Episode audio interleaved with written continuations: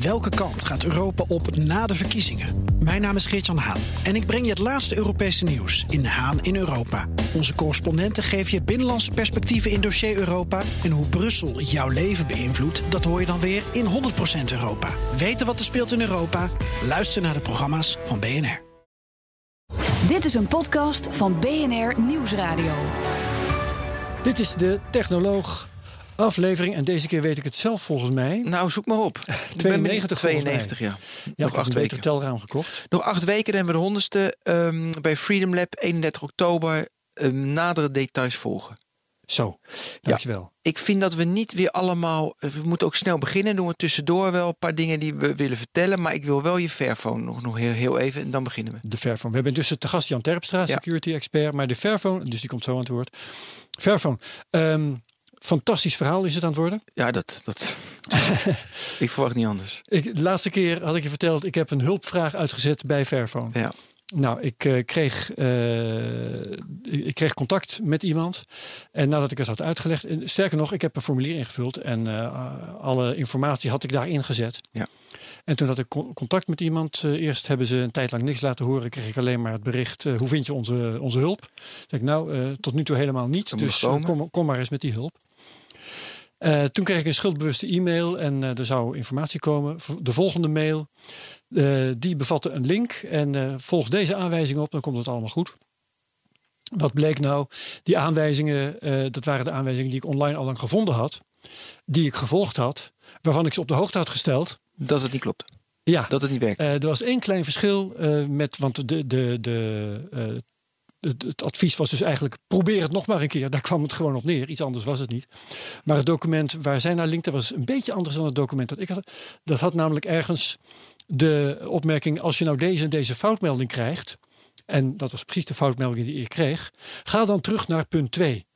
Met andere woorden, werk de eh, lijst van daar vandaan nog maar een keer door. Nou ja, zoals jullie waarschijnlijk allebei wel weten, als je een procedure opnieuw doet met je computer, dan komt er gewoon precies hetzelfde uit. En Ik dat ga al zorgen. gebeurde. Dus dat was volstrekt hopeloos. Daar heb ik een boze mail over geschreven, want hier heb ik dus helemaal niks aan. En dan wacht ik op de volgende stap. Goh. ehm, En hoe lang heb je dat het- ding nu? Het doel, even voor de ja, luisteraar doe die de de eerste... Google spullen eraf. Het doel is om de originele Android van de Fairphone af te krijgen en om er een totaal Google-vrije versie, ook van Fairphone, Fairphone Open zo heet, om die erop te krijgen. Oké, dat is het die, plan. die had ik even gemist. Ja. Ja. Maar dat weet de luisteraar al lang, want dit is echt een, een, een Fans van de technoloog die geen aflevering missen, die Nee. kennen dit als een vervolg. Maar heel goed, Jan, dat je wel even Ja. daarnaar vraagt. Jan Terpstra, security specialist van DXC Klopt. eh, Technology. Ja. Ja. Ehm, wij gaan hier praten over de staat van de computerbeveiliging. En eh, we komen zeker uit op, eh, want daar hebben we het van tevoren over gehad, op eh, de zaak kwestie van opleidingen en de behoefte aan nieuwe security experts enzovoorts. Heel Maar- actueel. Heel actueel. En, en daar heb jij ook van alles over te zeggen. En dat, dat, dat heeft jouw hart, om zo te zeggen. Maar ik wil eigenlijk eerst van jou weten, we hebben niet elke keer hier een security expert over vloer. Wat doe jij zelf aan computerbeveiliging? Hoe hou jij bijvoorbeeld malware buiten de deur? Eh, door up-to-date antivirussoftware, het juist inrichten van de firewall-functie van mijn router en gezond verstand. En vooral backups. Eh, maar dit is het mantra wat ik altijd al zing. Ja, eh, backups en gezond verstand wil ik meer over weten. Om te beginnen, waaruit blijkt gezond verstand als je achter de computer of aan je smartphone zit? Eh, niet overal op klikken. Ja. als, als ik kijk hoeveel mensen eh, klikken, klakkeloos klikken, noem ik dat altijd. Klikkeloos klakken. Nee, klakkeloos klikken. Dan reizen mij de haren soms te bergen. Het- Kom maar het- met voorbeelden. Nou, het gemak van eh, waarmee een schoonzus een aan haar toegestuurd filmpje via Facebook gewoon klik opent en niet nadenkt over het feit dat er misschien wel meer zaken achter zouden kunnen zitten eh, die niet zo gezond zijn voor je computer of je smartphone. En dat- dat is iemand van een gemiddelde intelligentie, van iets jonger dan mijn leeftijd en heel handig met de smartphone. Maar kennelijk heeft men niet het besef, oh het komt van Facebook of het komt van YouTube. Nou, dat komt helemaal niet vandaan. Het komt van een of andere hacker.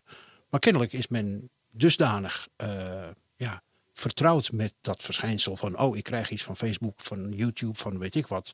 Dus ik klik daarop. Dat, Ja. eh, dat legt wel de weg open voor heel veel malverserende en kwaadwillende mensen. En wat zit er precies voor gevaar in het openen van een video? Want normaal gaat hij naar je videospeler en dan zie je die video. Maar wat, wat kan daar misgaan? Je denkt dat het een video is, want het linkje ziet eruit alsof het naar een video gaat. Ja. Maar onder water wordt er iets opgestart eh, op, een, eh, op een server ergens in een ver donker land. Die server die besnuffelt jouw telefoon of laptop. eh, en kijkt wat voor software erop staat, wat voor lekken daar eventueel in zitten, wat voor patch levels er zitten in jouw browser.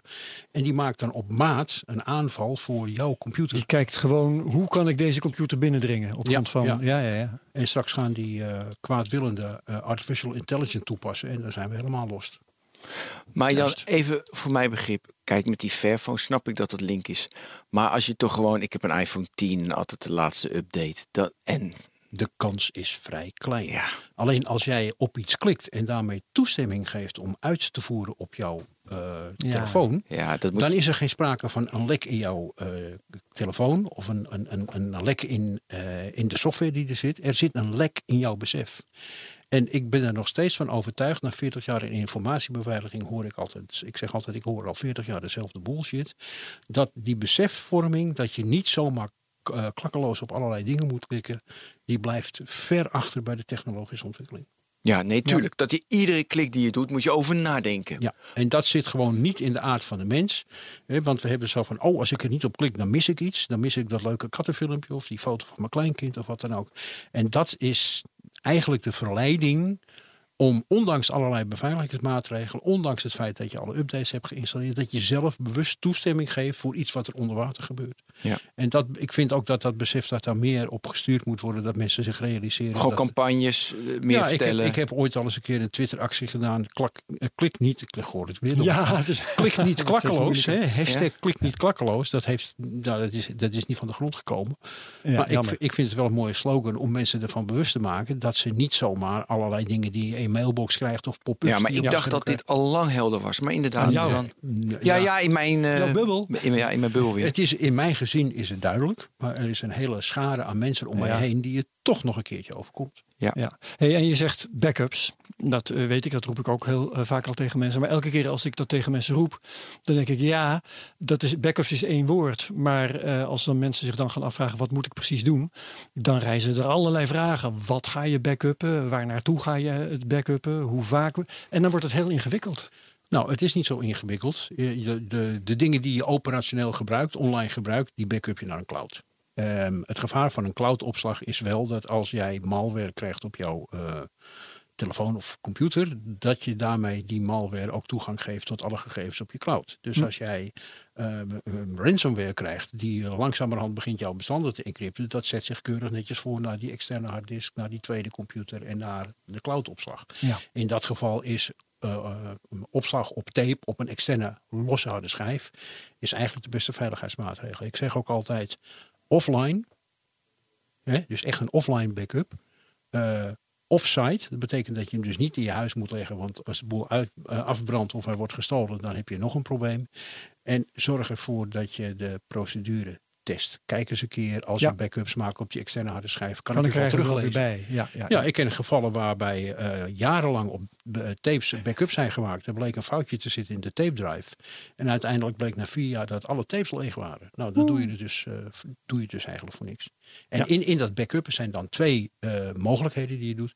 Je doet of een platte backup. En ik, ik deed dan altijd van, ik deed op, in, in het weekend een volledige backup. Of aan het begin van de maand een volledige backup. En daarna steeds met regelmatige tussenpozen alleen de wijzigingen in het systeem. Dan heb je niet steeds die enorme hoeveelheden data die je moet maar, dus, maar dat deed je dus iedere maand. Elke maand, ja. Dus jij doet iedere maand een... Oké. Al, ik denk al bijna 30 jaar. Kijk, ooit nodig gehad? Twee keer. Twee keer. Twee keer. Eén keer, één keer omdat mijn harde schijf christen. En één keer omdat ik zelf zo stom was om de verkeerde schijf te formateren. Dat overkomt ook een specialist. Ja, ja, ja. ja. hey, er is meer. Ehm, wat doe je op het gebied van wachtwoorden? Uh, daar waar mogelijk gebruik ik two-factor authentication. Dat betekent dus dat ik een, uh, een, een, een, appje heb op mijn telefoon die een code genereert, die synchroniseert met iets waar ik aanlog. Bijvoorbeeld de Google Authenticator. Ja. En uh, Symantec heeft zo'n ding. bij Office 365 krijg je ook zo'n two-factor authentication. Krijg je ook een appje op je telefoon.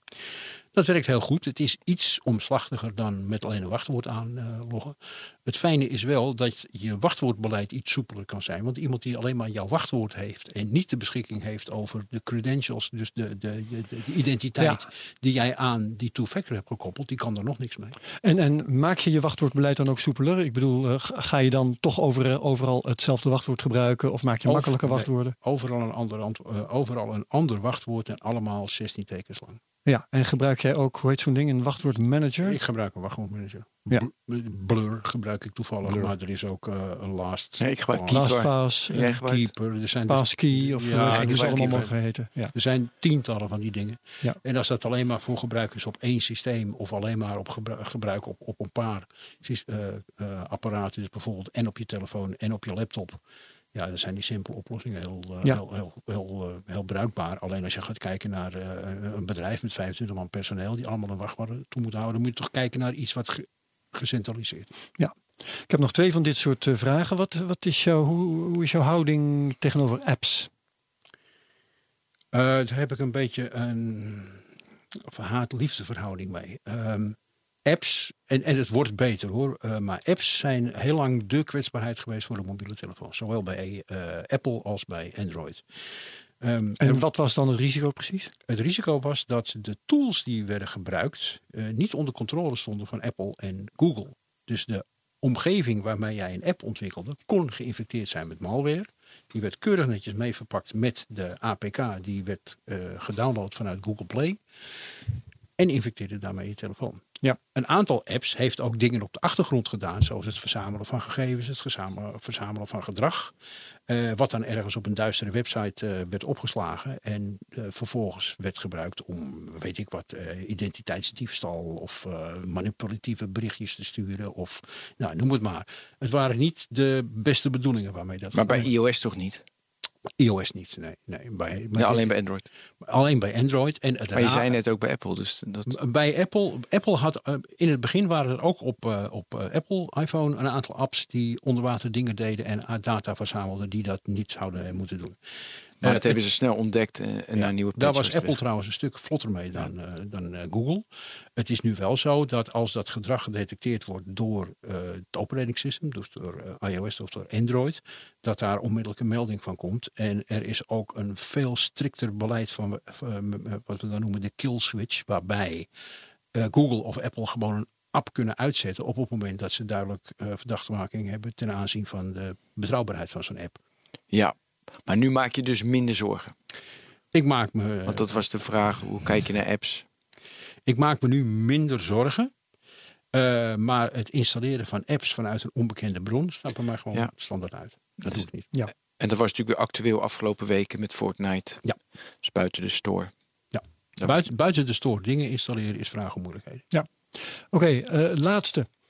Wat doe je thuis op het gebied van Internet of Things? Heb je een Nest thermostaat, een uh, webcam, een, uh, noem eens even een Philips Hue verlichting? Ik heb een Hue en een Alexa. Uh, ja, oké. Okay. Ja. En die hangen in een apart VLAN. Dat heet, het is een, een VLAN is een virtuele LAN-omgeving.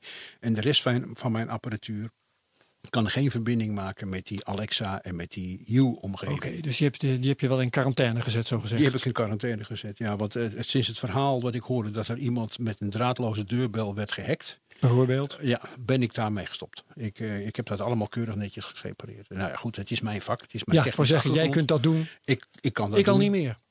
Uh, nou, Herbert, toch. Ja. maar dat vraag ik dan wel niet, aan jou binnenkort. Het is niet zo heel moeilijk. Ja. Er staan van die handboekjes uh, op... Uh, of, boekjes ook?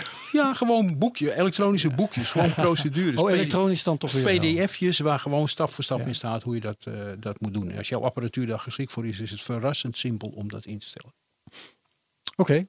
Nou, uh, dat is wat ik wil weten over, uh, over uh, security in huis, zeg maar. Jij nog dingen bent? Ja, punt? nou, ik wil op een paar dingen terugkomen. Kijk, wat je nu vertelt. Weet je, ik heb Apple en ik. Ja, natuurlijk, een mooie firewall. Weet je, natuurlijk.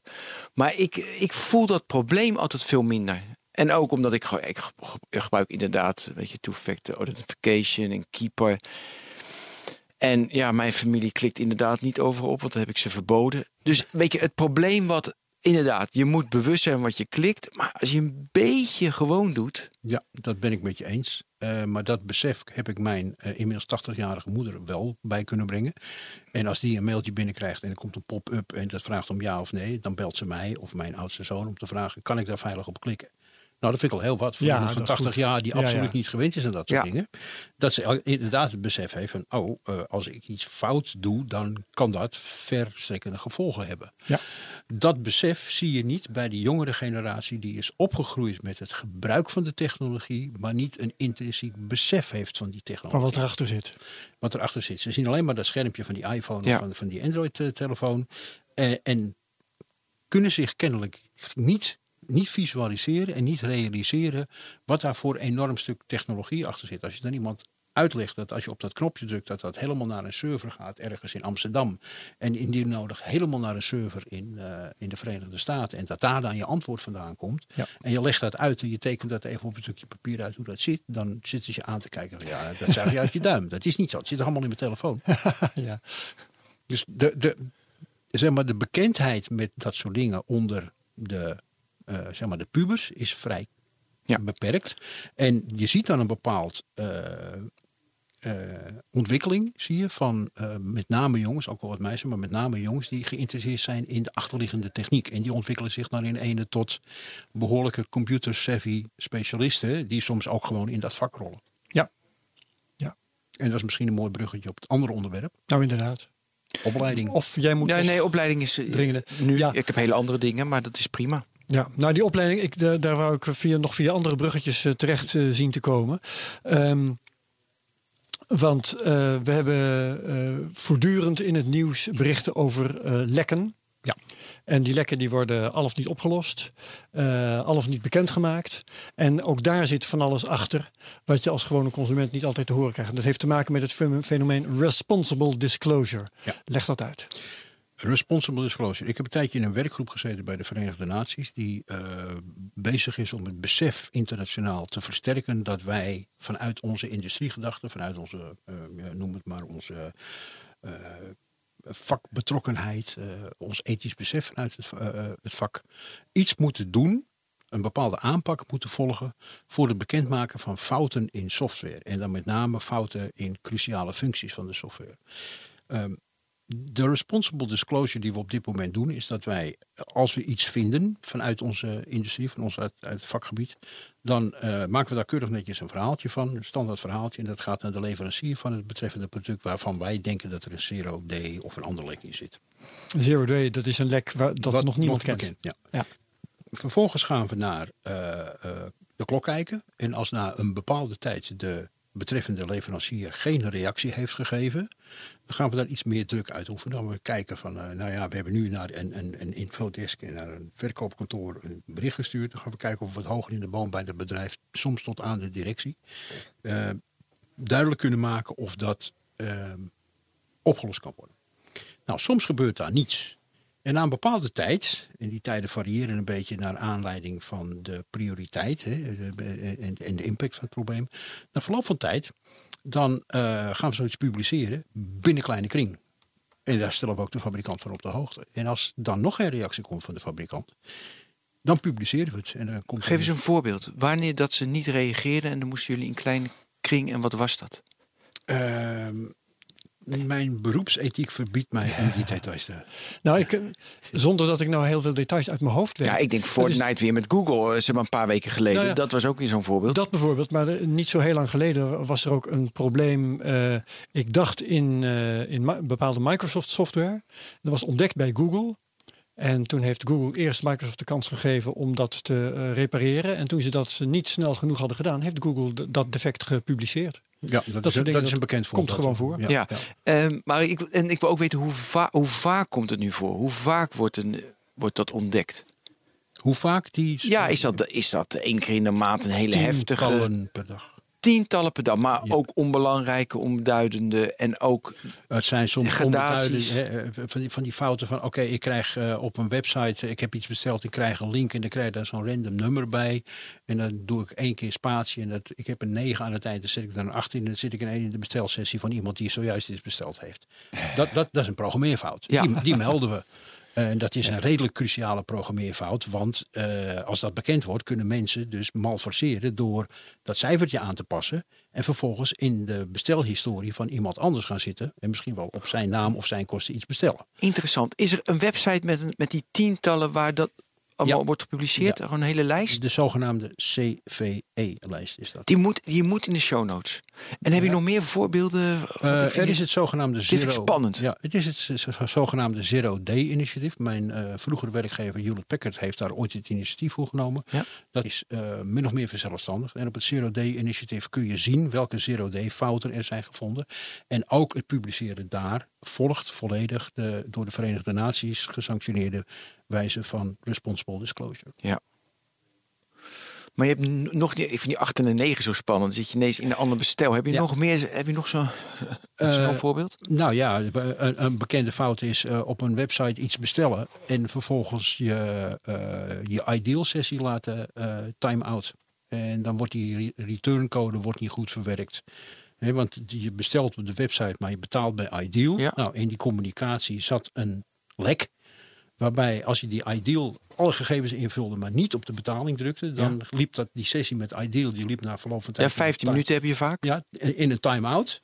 En vervolgens zei de website, oké, bestelling geplaatst. Alleen de betaling had nooit eh, plaatsgevonden. Dus op die manier kon je bij eh, een niet zo heel erg kleine Zo. online winkel... kon je gewoon gratis winkelen.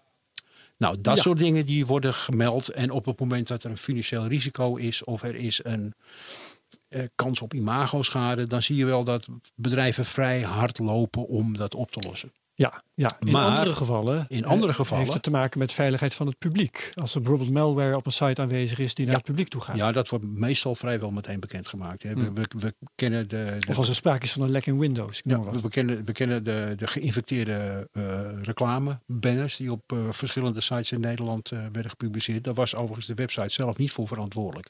Maar de verhuurder van de reclameruimte, die heeft Ja. iemand daarop toegelaten met verkeerde bedoelingen. De advertentiemakelaars. De advertentiemakelaars, Ja, zelfs de advertentiemakelaars zelf maar zijn het niet. Ja, die hebben onvoldoende controle uitgeoefend. Maar de advertentiemakelaar heeft kennelijk niet goed gekeken naar de achtergrond van degene die advertentieruimte heeft gekocht. En die heeft daar misbruik van gemaakt. En dat gebeurt tot op de dag van de dag nog steeds. Eh, We hebben gisteren nog zo'n gevalletje gehad op een eh, website in Azië. Waarbij geïnfecteerde, met malware geïnfecteerde advertentiebanners werden gepresenteerd. Alleen daar is men Ja. tegenwoordig zo alert op dat zodra het er, er ergens op eh, duikt, dan is dat ook gelijk, eh, wordt gelijk de nek omgedraaid. Ja. Eh, ben je ook een van die security experts die consumenten aanraadt om deze, dit soort redenen om een adblocker te gebruiken?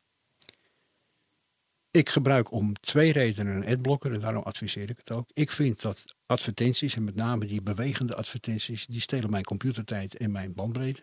Ja. eh, zonder mijn toestemming. Dus dat vind ik, eh, dat vind ik niet netjes.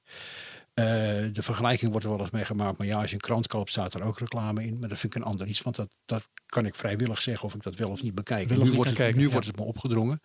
En ten tweede, er is een historie van banners en pop-ups en trackers en weet ik wat allemaal, die niet bepaald goede bedoelingen hadden.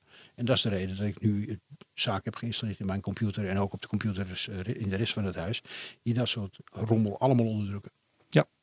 Wat ik heel erg grappig vind, dan heeft, eh, had de New York Times had een verhaal over weet je, Facebook die trackt. Dat is gewoon eh, dat is, is schandalig.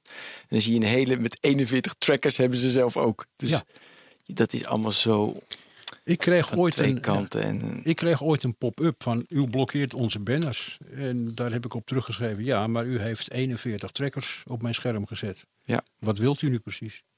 En eh, dat is ook iets. Eh, Je, kunt die trackers, ik heb er eh, een, paar weken geleden ook bij BNR in het ochtendprogramma kort aandacht aan besteed. Het is on- onmogelijk om te achterhalen wat er met die gegevens van die trackers gebeurt. Dus er zit een heel sterk privacy aspect aan dat mm, jij als gebruiker je niet realiseert dat die trackers er zijn. En als je het al realiseert, is het verdomd moeilijk om erachter te komen waar die data naartoe gaat. En dat vind ik een onprettig idee. Ik vind het ook uit privacyoverweging en, en uit, uit bescherming van mijn identiteit vind ik het een slechte zaak dat dat zo in het geniep gebeurt. Maar vanuit een security standpunt, behalve dan als er dus advertenties zijn met malware, is het niet zo'n probleem. Uh, uit security oogpunt is het, uh, het infecteren van reclamebanners. Ja, wel natuurlijk. Een, een, probleem, maar voor de rest heb, nee. ik, heb ik er technisch gesproken geen bezwaar Nee, precies. Nee. We hadden het over responsible disclosure. Het is, uh, ja. bekendmaken op verantwoordelijke wijze wanneer er sprake is van, van lekken. Nou, daar, is dus een, een procedure voor, die heb je uitgelegd. Dat wordt gedaan door uh, ethical hackers. Ja. He, dus uh, nou ja, mensen die op zoek zijn naar lekken, of in ieder geval ze vinden. En daar dan vervolgens mee aan de, aan de slag gaan. En dat principieel ook doen zonder daar misbruik van te maken. Je hebt er wel eens een in de uitzending, Ricky. Ja, Ricky, precies. Nou ja, sommige dingen die ik hier ja. vertel, die uh, komen indirect ook bij hem vandaan. Dat kan gewoon gebeuren. Um, nou, um, gebeurt er op, dat, op het gebied van dat ethical hacking gebeurt van alles en nog wat. Er zijn conferenties ja. um, waar ze zich verzamelen. Uh, die, die, hele beroepsgroep staat eigenlijk onder druk. Hè? Kun, je daar iets, kun je daar iets over vertellen? Uh, die, die staat onder druk op, op, op verschillende manieren. Eén manier is dat de ethical hackers in sommige landen volgens de lokaal geldende wetgeving gebruik maken van illegale technieken. Het, Duitsland geloof ik zelfs. In Duitsland, ja. Het ja. proactief scannen op lekken uh, in een website is in Duitsland gewoon uh, door het Bundesamt voor Datensicherheit als illegaal bestemd. Om die, omdat die dachten boeven doen dat, dus uh, boeven doen dat, en niemand kan het onderscheid maken. Dus dat scannen van, van een website of het scannen van een, van een firewall, dat, dat verbieden we gewoon. Ook het in bezit hebben van gereedschappen, tools, uh, op je computer is in Duitsland gewoon niet toegestaan. Dus als je dat in Duitsland doet, is dat al ja, wat lastig. Ja. Uh, in Amerika heb je het punt van de liability. Als jij daar probeert ethical hacking te doen en zelfs als je allerlei zaken goed geregeld hebt en zelfs hebt contact hebt afgeschreven en er komt onverwachte uh, gevolgschade omdat door jouw ethical hacking poging er dingen omvallen en de productie of de verkoop van het bedrijf stil komt te liggen ja, dan heb jij uh, toch wel een issue. Want het zou best kunnen zijn dat ze je daarom voor de rechters uh, slepen. Het, terwijl het in feite dus gaat om werkzaamheden die noodzakelijk zijn voor beveiliging. Ja. En vervolgens explodeert dat in je gezicht. Daar ik, ik ken twee gevallen dat dat gebeurt. Maar als een bedrijf toch zelf een ethical, hack, uh, een ethical hacker inhuurt, dan is dat toch geen probleem? Want dan huur ze hem zelf in. Ja, uh, en toch is dan kennelijk uh, het, het idee dat de ethical hacker verder gegaan is dan alleen maar deur, uh, deurbelletje trekken en, en aan, de, aan de klinken rammelen. Dat hij verder in het systeem gegaan is dan de klant zich beseft of dat er afgesproken is en dat er toen gevolgschade is ontstaan. Um, dat is niet altijd de, de, wa de, ware reden. Men schrikt soms van de bevindingen en is bang voor imagoschade en gaat dan vol in de aanval. Dus ja, ja, ja. Zelfs als ze hem zelf inhuren? Nee, toch? Ja, daar zijn Heb je voorbeelden? Uh, kan ik uit beroepsethiek even niet. ik wil dit wel gewoon drie, vier keer herhaald hebben. Dat vind ik wel mooi. nee, bepaal, bepaalde dingen die bij ons in de vakgroep uh, zijn, die blijven binnen de vakgroep. Ik vind het ook niet ethisch om klanten aan de. nee, maar dat is, het is meer leren van elkaar. Hè? Ja. Maar wat, wat jij vertelt eigenlijk, dat is dat klanten bijvoorbeeld, maar in het algemeen gesproken bepaalde bedrijven, uh, waarbij dan een lek wordt ontdekt, dat die helemaal niet zo geïnteresseerd zijn in uh, het algemeen belang waar, waarbij je van elkaar kunt leren, ja. maar die meer belang uh, hechten aan wat jij net zegt, imagoschade. Imagoschade. En, en daar dus een afweging maken die heel erg nadelig is voor de veiligheid in het algemeen. Ja, het gebeurt met enige regelmaat dat lekken worden ontdekt. Die worden volgens de voorgeschreven procedure, de, no, de responsible disclosure bij de betreffende bedrijf aangemeld. En die gaan meteen frontaal in de aanval. Die, je wordt dan beschuldigd als ethical hacker van hacking, van uh, imago-schade. En er zijn gevallen bekend dat de hacker wat onhandig, uh, of de ethical hacker wat onhandig uh, en niet volgens de richtlijnen heeft gewerkt. Dat heeft gewoon een flinke rechtszaak opgeleverd ja. die hij heeft verloren. Het uh, klinkt een beetje als wat je wel eens hoort over de beroepsaansprakelijkheid in Amerika, dan vooral van uh, artsen, chirurgen ja, en dergelijke. Ja. Dat je in een normale beroepsuitoefening, hè, dat er dingen kunnen misgaan die, ja, die je gewoon niet kunt uitsluiten. Ja. Eenvoudige foutjes, uh, menselijke dingen. Uh, die dan toch je, je leven kunnen ruïneren, om het maar meteen zo te zeggen.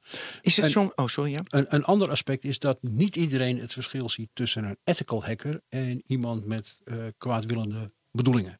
Ja, nou, Een- dat is hacker al bij de Duitse wetgever eh, is dat zo ja, geweest. ja, ik bedoel, als jij volledig me- in, met, met overeenstemming eh, met jouw eh, klant een ethical hacking poging gaat doen om, om een website te testen van een, van, een, van een groot bedrijf, dan doe je dat niet vanuit Duitsland, dan doe je dat vanuit een ander land. En misschien is het zelfs wel verstandig om dat buiten de EU te doen, omdat we allerlei uitleveringsverdragen en andere Ja, ja, ja. ellende hebben. Het kan je nogal lang achtervolgen. Ja, in welk land moet je dan gaan zitten als ethical hacker? Dus Zuid-Amerika of zo. Ja, maar ik snap nog steeds niet. Ja. Ja, nou ja, dit- dit- ik vind het verbluffend. ja, ik ook. Dat je dus als ethical hacker in een land moet gaan zitten waarvan wij vroeger zeiden, daar gaan de boeven zitten. Mhm. Om normaal je werk te kunnen doen. Ja, die kant gaan we wel uit. Ja. Maar dat is zelfs als het bedrijf jezelf inhuurt. Dan moet je toch ergens... Nee, het, Ja, het daarom- bedrijf wat jou inhuurt, eh, de rechtszaken die daaruit zijn gekomen, is dat het bedrijf vond dat de hacker verder gegaan is dan in de overeenkomst stond. En waardoor eh eh gevolgschade is ontstaan. is misschien ook wel. Maar moeten onhandig. hacken constant bekijken hoe ver kan ik gaan hoe ver niet. En dan weet je, oh, daar zit iets. Maar oh, daar kan ik niet heen. Want nou, echt letterlijk. Ja, letterlijk. En het, het is ook heel verstandig om van tevoren, als jij een bedrijf eh, een opdracht krijgt om iemand eh, te, te, te scannen en te hacken, om minstens één veiligheidsfunctionaris in dat bedrijf even op de hoogte te stellen. Joh, er komt een hackpoging aan. Dus op het moment dat jullie alarmbellen afgaan in de monitoring eh, en het komt van dat IP-adres, dan Ja. weet je zeker dat ik het ben. Als je dan verkeerde IP-adres opgeeft, heb je alsnog een probleem. Ja. Hoe gaat een ethical hacker te werk? Dus we gaan, eh noemen een bedrijf, Deloitte gaan we, gaan we aanvallen. Nee, maar gewoon, wa- wat zijn de stappen die ze ondernemen? Ik denk dat het veilig is in gesprekken met Jan om geen, Nou ja, dan, noemen. dan BNR. Ja, maar wat, wat maakt mij dat Who uit? Hotel. Casa. BNR vind ik een goed voorbeeld. Ja, BNR. Ja. Hoe gaat die te werk? Eh, hacker gaat eh, op twee manieren te werk. Er zijn twee belangrijke aspecten. Eén is het technisch aspect. Dus kijken, kan ik een technisch lek vinden? Het andere is het sociale aspect. En het is verbazend hoeveel informatie je los kan krijgen door social engineering. Dat Gewoon de telefonisten bellen. en telefonisten bellen en bevragen, vragen naar meneer zus of zo. En dan eh, meneer zus of zo een kletsverhaal ophangen. En hem vervolgens een eh, e-mailtje sturen met een foto van zijn hockeyteam. Waar jij als hacker zegt in te hebben gezeten. En leuk in de uitwisseling eh, social engineering te doet. En op een gegeven moment stuur je iemand. Ook ik heb nog een filmpje van het eindfeest van de, van de HAVO. En ja, ik denk wel leuk, een filmpje klikken. Je klikt op dat filmpje. Vervolgens wordt er een of ander malware iets op jouw eh, Ja. computer eh, geïnstalleerd. Of op je telefoon. En vervolgens kan die hacker gewoon allerlei aan jou gekoppelde gegevens. Nou, dan zit jij. Dat is de social ja. part. En wat Ja. is de techniek? dus wat doen ze? Het technische is gewoon ja, soms brute force. En soms kun je zien, oh, ik heb een bepaald, eh, ik krijg een bepaald antwoord van die webserver, of ik krijg een bepaald antwoord van die eh, load balancer of de firewall. En daaruit kan ik opmaken welke patch level, welke versie er is geïnstalleerd. En dan ga ik in die CVE-database kijken. Dan denk ik, hey, in die CVE-database staat dit lek voor dat betreffende type software. Is dat nog aanwezig? Nou, dan heb ik al een eerste eh, ingang. Maar ik kan ook gewoon domweg gaan zitten scannen en ik eh, dingetjes afvuren op die, eh, op die webserver en kijken wanneer die omvalt. En dan kan ik daar een redelijke aanname over maken wat de aard van de software is. Wat Maar, je ook, dat je ook- heeft, maar dat hebben organisaties toch wel aardig, op- eh, aardig op orde. Dat als alle patch... Nee, natuurlijk, alle is allemaal niet in orde. Ja, wel, wel aardig is maar- een understatement. Ja, ja, ja. ja, ja. Maar, Maar voor, bijvoorbeeld bij een, bij een bank zou je eh, dan als bank kunnen zeggen van ik zie nu iemand bij het aanlogscherm. Vervolgens zie ik hem bij het eerste betaalscherm, bij het tweede betaalscherm. En op het moment dat je de transactie met de pincode moet bevestigen, breek je de sessie af. En dat gebeurt honderden keren in een week. En dat gebeurt duizend keer in een maand.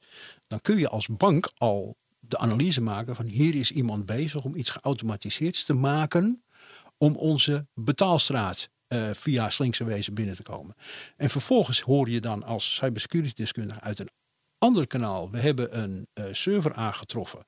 Die is betrokken geweest bij een phishingpoging waar tientallen rekeningnummers van die betreffende bank op Ja. staan. En je weet, oké, in mei van dit jaar worden de vakantiegelden uitgekeerd. Dan kun je eigenlijk 1 en 2 en 3 bij elkaar Zo. optellen.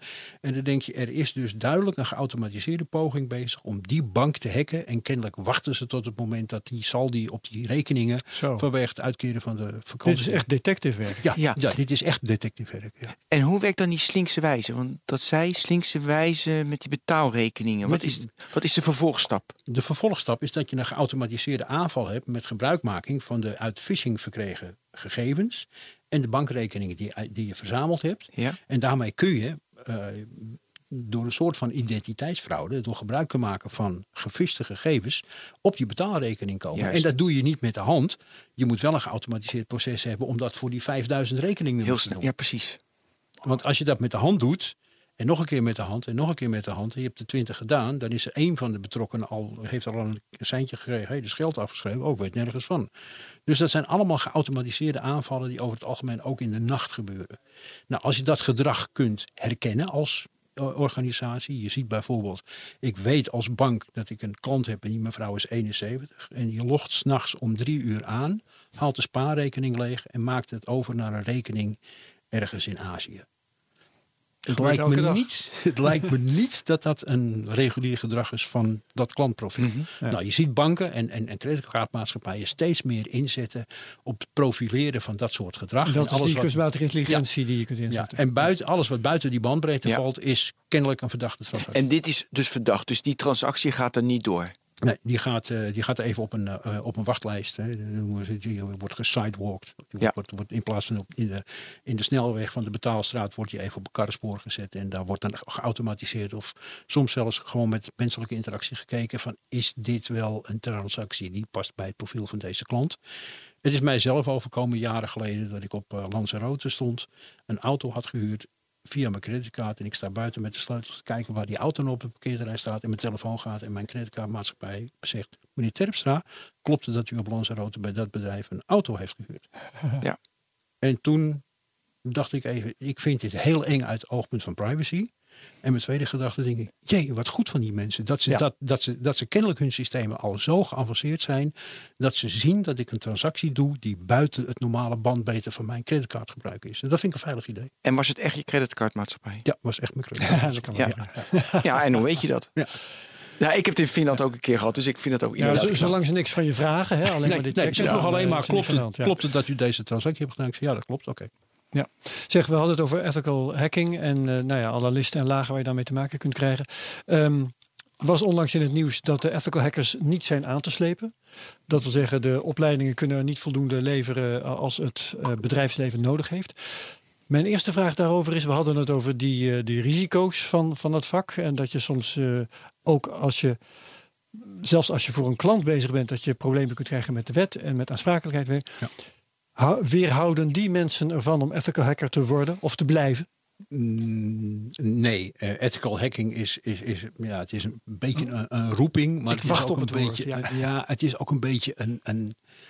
Het geeft wel aanzien als je hacker bent. Ik noem mezelf nooit een hacker. Ik ben Nee. informatiebeveiligingsdeskundige of eh, nou ja, noem het maar. Ik noem mezelf geen hacker. Ik heb vroeger wel het werk gedaan wat tegenwoordig dan wordt genoemd hacking. Ja, maar het is, een, het is geen serieus verschil volgens mij tussen Ricky Gevers en jou. Jullie doen hetzelfde werk, toch? Ja, Ricky zit wat meer in de technische hoek, ik wat meer in de operationele en organisatorische hoek. Maar het, het doel is hetzelfde. Het Ja. is het beveiligen van systemen en het buitenhouden van kwaadwillen. Dus een beetje hetzelfde werk. Ja. Dus ik ben een papieren hacker, laten we het zo maar zeggen. Ja, ja, ja.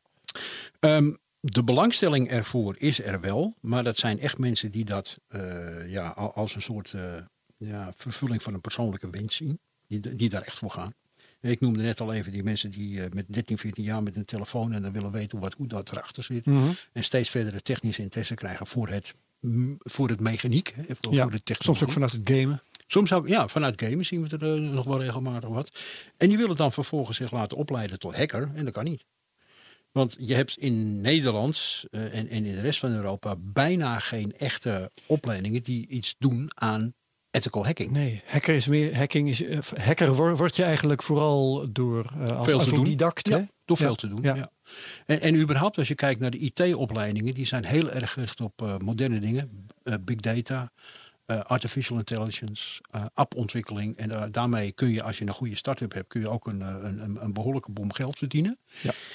En dan kom ik met mijn cybersecurity verhaal aan op zo'n openingsdag van de Hogeschool voor Amsterdam. Alleen maar kosten. En dan denken ze, ja, maar dit vak is helemaal niet sexy. Dat is helemaal niet spannend. Het is helemaal niet terwijl het heel spannend. spannend is natuurlijk. Het maar- is, het is Het ons- boevenvanger. Ja, ja, dat, nou goed, dat laten we dan liever aan de, eh, aan de betreffende autoriteit over. Maar boeven zoeken, dat- Boeven dat, zoeken, dat ja. aspect zit er wel in. En soms doe je niet boeven zoeken door minder in de nacht in, tot je oksel in een computer te zitten. Maar soms doe je ook boeven zoeken door puur eh, het, het, het analyseren van dingen die er gebeuren. Hè? Van, van, van aanlogpogingen en eh Toch is er sinds een tijdje, ik weet niet, één of twee jaar of zo, misschien alweer, alweer weer langer, een CSI Cyber Als ik me niet vergis. vind ik een uitstekende ontwikkeling. Ja. Ja. maar dat merk je nog niet in het vak. Eh, nee, want je kunt niet verwachten dat. eh, en, en zonder mezelf nou een bos. Dat, dat er jongelui komen die je eigenlijk alweer moet uitleggen dat het ook weer niet zo spannend is. Nou, zonder mezelf een bos veren in het achter te willen steken. In vier jaar opleiding, HBO of universitair, leer je niet wat ik in de eerste eh, afgelopen 40 jaar een ervaring heb opgedaan. Ik voel ook een sterke behoefte om die opgebouwde kennis en ervaring. Hè, ik, ik raak nu een beetje in de herfst van mijn carrière, ik word volgend jaar 60, om dat aan de jongere generatie over te dragen. Ja. En de, de reden erachter is, als je kijkt bijvoorbeeld naar een onderzoek van het ministerie van Economische Zaken in Engeland, die zeggen in de komende 15 tot 20 jaar hebben we een miljoen cyber-expertise nodig. Een miljoen. Een miljoen. In Ja. Engeland alleen? Nee, in Europa. Europa. In Europa, hebben Oké. we een, miljoen of meer. Want de generatie die het bedacht heeft in de, in de 70 en 80er jaren, die nadert nu de herfst van zijn, eh, van zijn eh, werkzame leven. Die gaan over eh 15, 15 jaar met pensioen, of zijn al met pensioen. En die laten wel een gat achter Ja. aan kennis. Is, even tussendoor, is op dit moment de leeftijdsopbouw in jouw vak is die evenwichtig of is iedereen 50 plus? Iedereen is bijna 55 plus. Serieus? Ja, ja zeg maar als je er kijkt naar de oude garde van de, die, die nog eh, met de hand virus hebben zitten analyseren, die met de hand nog logbestanden en die tot op het laatste beetje wist, wi- wisten hoe device drivers Ja. in elkaar zitten. Dus die met die Maar diepgang, de, de, de die zijn allemaal boven de 50. leeftijdsopbouw is dus bij wijze van spreken net zoals eh, eh, ambtenaar op een ministerie of iets dergelijks. Dat, Daar lijkt het wel op. Iedereen ik- senior ik, is. Ik, zie wel dat van bepaalde opleidingen en dat bepaalde bedrijven ook heel sterk inzetten op talentmanagement. Hè. Dus die, die doen cherrypicking op een, op een HBO. Eh, die laten mensen een afstudeeropdracht eh, doen aan boord van het bedrijf en die zijn gelijk baanzeker. Dus die krijgen en een opleiding, wat dan ook in, in, in de ICT, en een stuk eh, praktijkervaring in eh, informatiebeveiliging. Ja. En die kunnen eigenlijk met een stukje ervaring gelijk ingezet worden onder begeleiding vaak van een senior. En die mensen die pikken het razendsnel op en die zijn binnen een paar jaar echt volledige cybersecurity deskundigen. De mensen die alleen maar op een HBO-opleiding een ICT-vak hebben gekozen, die komen, eh, ik wil niet zeggen met een achterstand, maar die komen met een ander profiel uit die opleiding. En het is heel moeilijk om dan hun loopbaan hè, hun, hun toekomstperspectief om te buigen naar iets in cybersecurity. Dat moet een beetje in je zitten. Net als dat je politieagent wordt, Ja. dat moet een beetje in je zitten. En wat, is, sorry, ga je met. ja, dus wat zijn de specifieke eigenschappen, normale ICT, die je dan als cybersecurity specialist, an, wat dan anders is, wat dan specifiek is? Je moet niet alleen maar kijken naar ICT, hè, eh, informatie- en communicatietechnologie. Het, eh, het sociale aspect, hè, social engineering, is, eh, is, is heel belangrijk. Maar je moet ook heel inventief zijn in het bedenken van oplossingen die jou helpen om de aard van het probleem te achterhalen. Ehm, kijk, als je, als je als IT'er een rood lampje ziet branden en er komt een melding harde schijf is dan zet je er een nieuwe harde schijf in. Met alle respect, dat is, dat is redelijk inzichtelijk. En als wij het hebben over een zero-day lek dat moet opgelost worden, dat is ook redelijk inzichtelijk. Maar als je een zogenaamde advanced persistent threat hebt, waarbij een hacker al een half jaar in jouw systemen zit, dan moet je heel erg inventief wezen om er zeker van te zijn dat je hem buiten de deur zet op een zodanige manier dat hij niet nog tien achterdeurtjes heeft achtergelaten in het systeem. Want een dag later komt hij via een ander achterdeurtje binnen.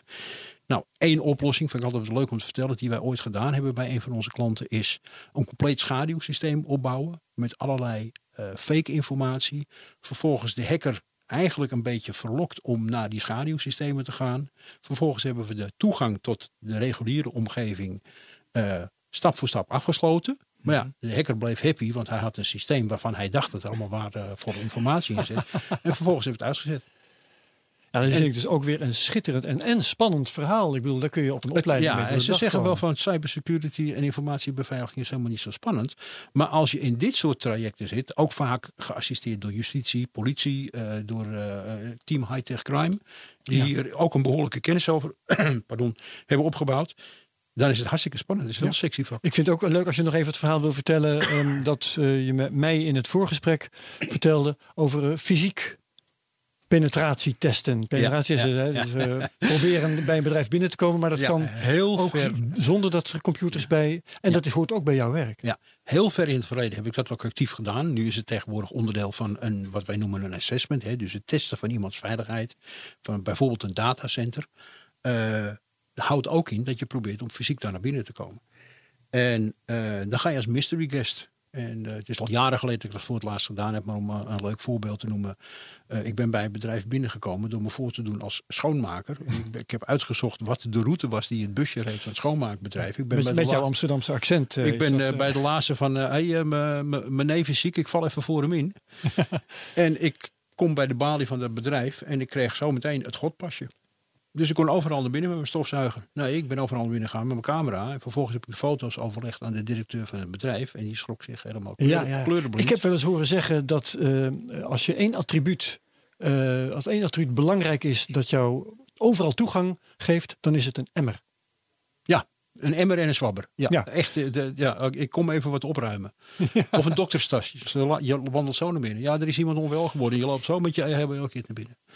En, eh, en je leert kijken naar, naar menselijk gedrag. Hè. Je, je, je staat bij het datacenter. Je ziet iemand er naartoe lopen en die trekt aan de deurkruk. De deur gaat niet open. Hij zoekt in zijn zak naar een pasje en doet dan met het pasje de deur open. Dan kan ik dus beredeneren, oké, die deur zit dus niet altijd dicht, want anders was hij al met het pasje in zijn hand aankomen lopen. En dan kijk je naast die deur en denk je, hé, hey, er zit een, een ronde afdruk in de vloerbedekking waar altijd de brandblusser heeft gestaan die deze beveiligde deur open heeft gehouden. Vervolgens loop je ook een keer s'avonds een gebouw binnen en krijg je fysiek toegang tot een afdeling die eigenlijk niet toegankelijk zou moeten zijn. Maar wat gebeurde er? Er was daar een schoonmaker bezig en het stopcontact zat in de hal. En omdat elke keer het snoer vastliep, had je gewoon een prullenbak eh, in de deuropening gezet. Zodat hij niet elke keer met dat snoer liep te klooien. En ik ben over de prullenbak heen gestapt en ik stond op de gesloten afdeling. Dat zijn lekken die. Er zijn mensen die niet als gevaarlijk worden gezien. En die zijn misschien ook niet gevaarlijk. Maar eh, BHV'ers, EHBO'ers, eh, schoonmaakbedrijven, eh, bedrijven die de lift komen repareren. kunnen wel een situatie doen ontstaan. waar je als kwaadwillende gebruik van kan maken. Omdat Ja. ergens een deur open staat. waar jij zo doorheen kan lopen. die normaal gesproken afgesloten is. Ja. Terug naar ethical hacking. een tekort aan dit soort mensen. Ja. Wat doe je eraan? Opleiden, maar het is niet sexy. Hoe krijgen we dat vaak sexy? Door dit soort dingen te doen. Door Dit- dit soort verhalen te vertellen. Door echt, Ja, door, door echt te vertellen, ja, je moet soms heel lang ergens zitten, schrijven, analyseren, lezen, overleg plegen. Maar uiteindelijk heb je wel de triomf, zeg maar, van Ja. het, het, het, het onmogelijk maken van het hacken, het oplossen van het probleem. eh, zelfs dat uiteindelijk het werk wat, eh, wat ik en mijn collega's doen, leidt tot de arrestatie en de veroordeling van iemand die met kwaadwillende bedoelingen in het systeem geweest Dan loop je elkaar high fives te geven. Daar, ja, ja, wel mij gemaakt dat er dan even een eh, taartje rondging. Ja, en Ben vroeg net naar profiel van studenten. Ik wil eigenlijk wel weten, wat moet een cybersecurity expert allemaal kunnen? Nadenken. Je moet echt Ja, heel maar dat erg- is bij zoveel vakken. Ja, maar je moet echt ontzettend, je moet echt ontzettend goed analytisch kunnen denken. Je moet heel erg goed eh, kunnen beschouwen zonder technische of, of, of, of sociale vooringenomenheid. Dingen kunnen beschouwen voor wat ze zijn. Ehm, als jij al met een bepaalde vooringenomenheid eh, een hek gaat eh, onderzoeken en je gaat zoeken naar een schuldige, dan kan het zomaar zijn dat jij met je onderzoek ergens een verkeerde afslag neemt en dat je een volkomen onschuldig iemand aan de paal nagelt. Maar wat is jouw meest favoriete hack dat je dacht van wow, dit is zo slim gedaan van de hacker waar je achter bent Dat gekomen? je bewondering krijgt voor de crimineel bedoel ja, je? dat je echt van de ideale bankroof. Ja, eh, dat, dat was toch eh, een, een hacker. Ik zal het bedrijf niet noemen. Maar dat was een hacker die zat in de kritische systemen van een groot bedrijf.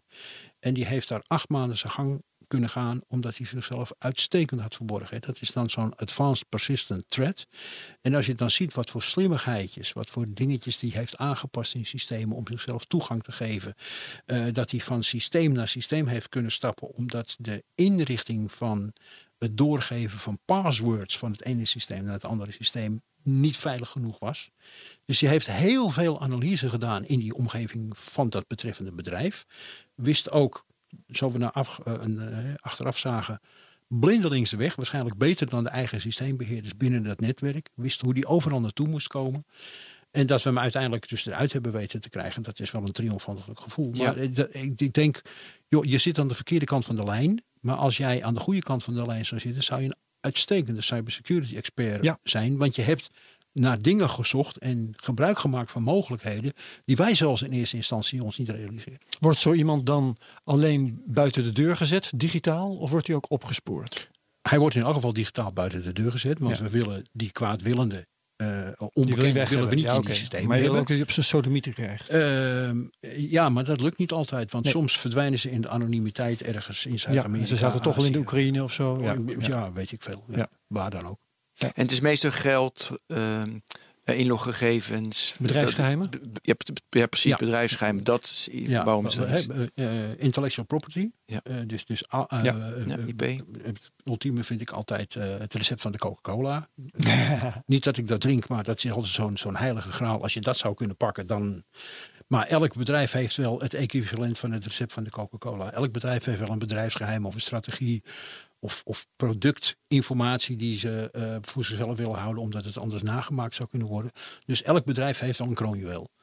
En ehm, ja, weet je, realiseer je wat dat kroonjuweel is. En vraag je af of die kroonjuwelen wel altijd online moeten staan of bereikbaar vanuit het internet. Maar wat is het kroonjuweel van Walmart? Klantgegevens. Het verdienmodel. Eh, dat, maar vooral klantgegevens. Ja, klantgegevens. Ja, ja, Want als ik eh, Walmart zou Maar weten, ik een beetje Walmart of, of ja, maar Walmart eh, of een vergelijkbaar bedrijf in, in, in Nederland, van mijn part de Ethos of wat dan ook. Als ik zo'n bedrijf zou kunnen kraken en ik zou me toegang kunnen verschaffen tot de betaalterminals en ik zou daar het betaalverkeer kunnen ja, monitoren. tuurlijk. En ik zou daar gegevens uit kunnen halen waarmee ik vervolgens bankfraude kan plegen. Dan, is, dan is niet die productie en die voorraadgegevens en de financiële positie van het bedrijf. Nee, de klantgegevens zijn het kroonjuweel. En heel veel bedrijven staren zich blind op het kroonjuweel wat ze zelf in bezit hebben, maar realiseren zich kennelijk niet. En de, de GDPR, de AVG is een goede stoot in de, in, in, een goede richting geweest. Want bedrijven realiseren zich nu wel dat klantgegevens belangrijk zijn, dat ze kunnen leiden bij verkeerd gebruik of bij lekken tot imagoschade.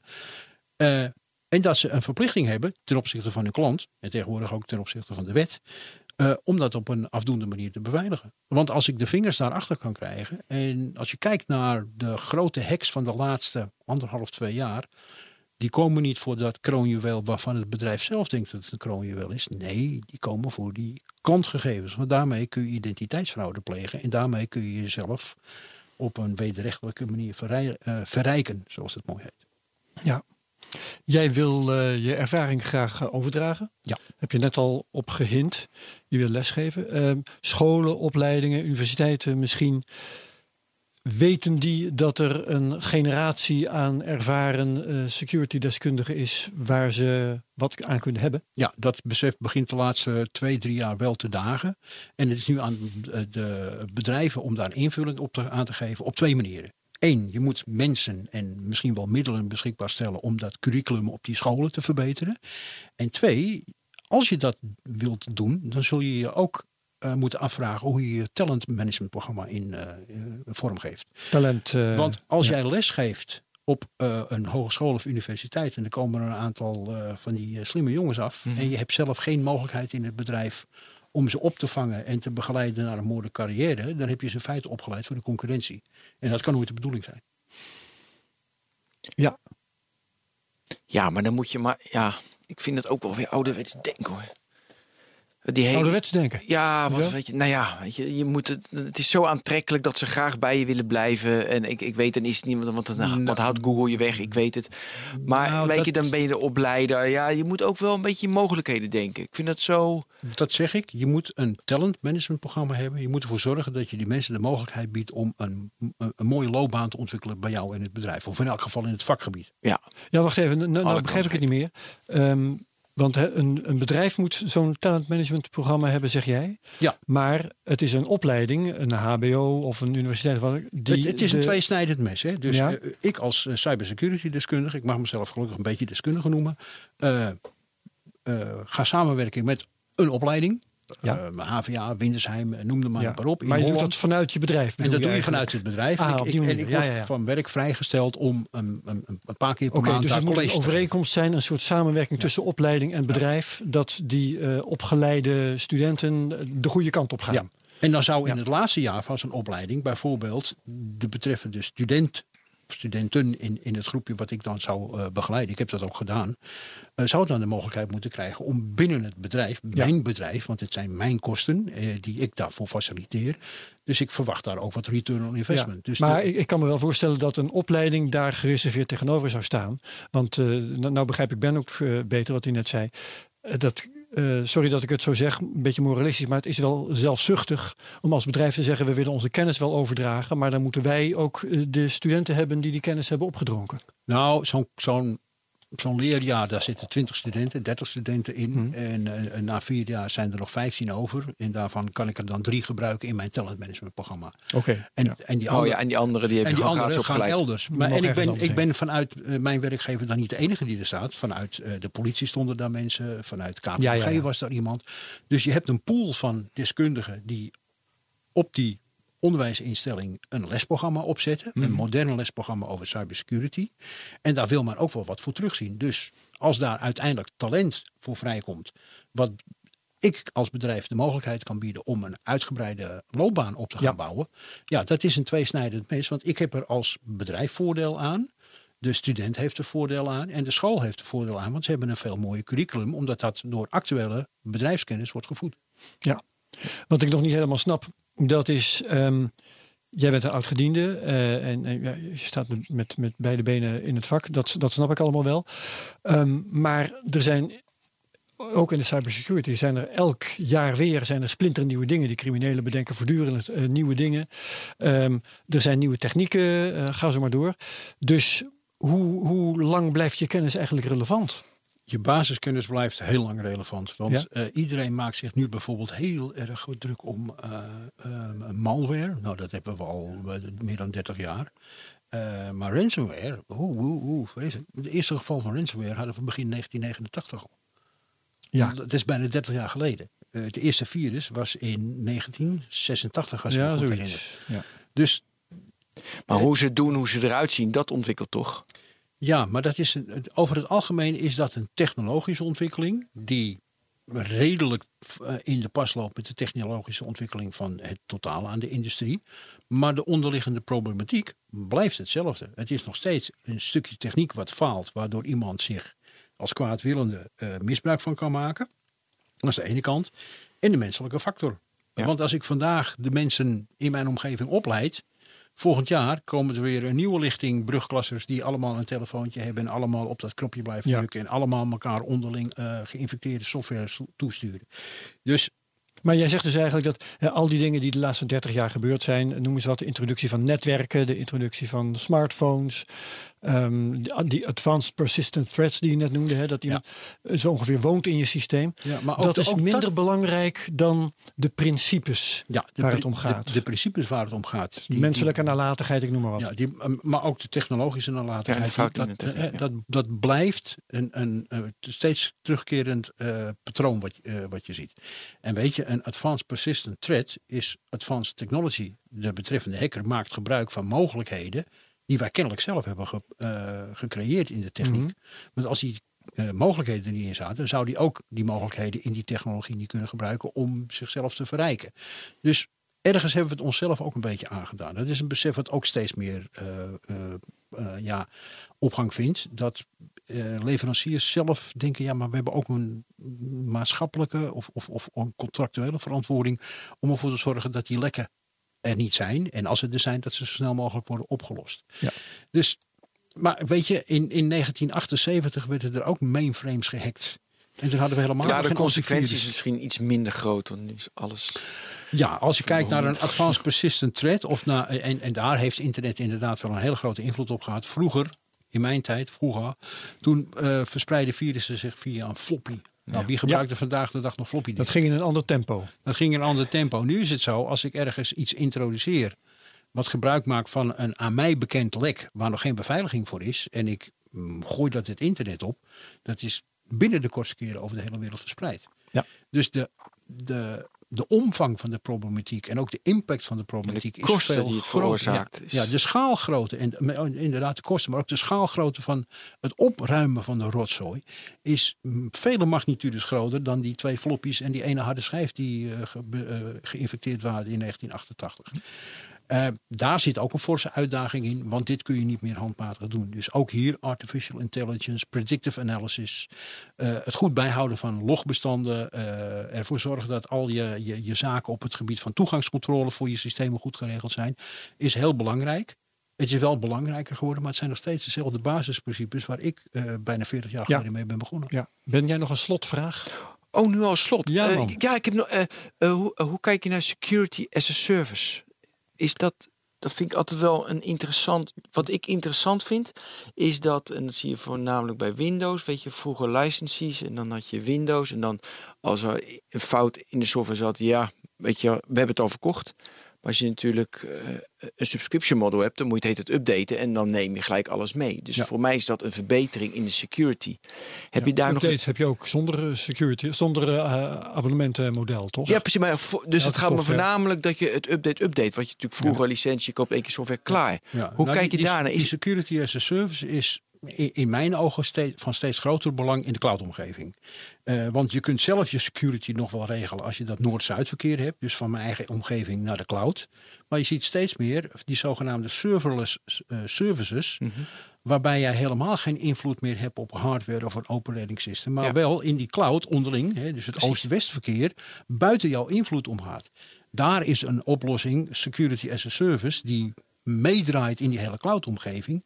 Maar je hebt zelf geen invloed op die onderliggende cloudomgeving. Dus je kunt je daar alleen maar verlaten op de dienstverlening van de betreffende cloudleverancier of iemand die daaraan gelieerd is. Want vanuit jouw eigen omgeving heb je daar te weinig invloed op. En dan moet je maar dus vertrouwen. Ik betaal daar een paar dollar voor en dan moet ik vertrouwen dat die cloudleverancier dat goed doet. Ja. Dat is eigenlijk het verhaal. Ja. En details van wat ze dan doen, die cloudleveranciers onderling, of voert dat veel te ver?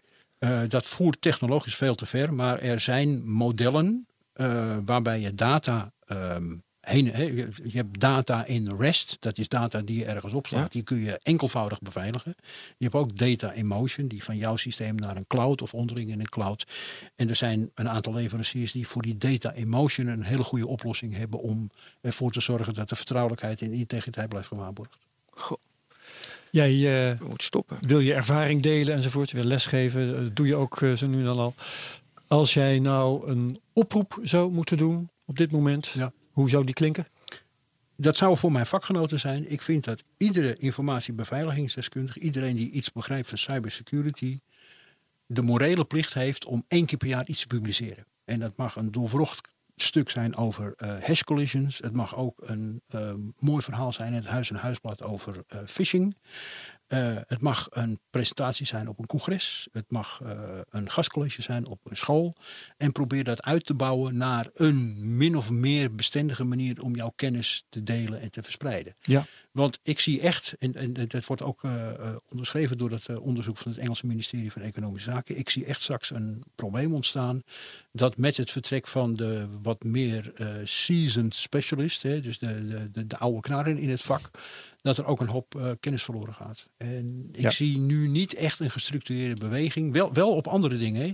Je ziet AI-opleidingen, big data, uh, app, uh, applicatieontwikkeling, daar zie je echt een flinke hoos. Mensen kunnen daar, uh, nou ja, de, de opleidingen zijn niet aan te slepen, want er zijn te veel studenten. En daarbij steekt het aantal mensen wat kiest voor een vakrichting cybersecurity, steekt een beetje magertjes af. En ik denk dat het een morele verplichting is van de industrie, van mijn vakgenoten, om daar uh, toch een serieuze poging te doen om dat vak meer in de belangstelling te krijgen. Oké. Dat Mooi. was Jan Terpstra. Ja, bedankt Jan. Cybersecurity Graag gedaan. consultant bij DXC Technology. Dankjewel, dit was technoloog nummer 92. We hebben helemaal vergeten om te memoreren dat we een prijs hebben gehad. Nou ja, dat Kun je wil ik- nagaan hoe druk we daarmee bezig zijn? Ja, dat is heel belangrijk. We hebben een prijs gehad. Jo, allemaal bedankt. Luisteraars bedankt. Dutch. Postka- Podcasting Award als Ja. beste technologie podcast. Nou, dan is het ook weer even genoemd. Voor mensen die eh, de slotfase van deze podcast hebben gehaald, dan weten ze dat ook. Dit was de Technoloog 92. Graag tot volgende week. Dag.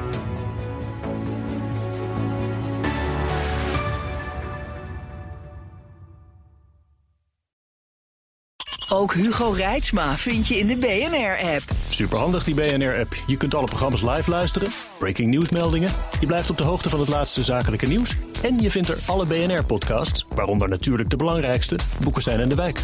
Download nu de gratis BNR-app en blijf scherp.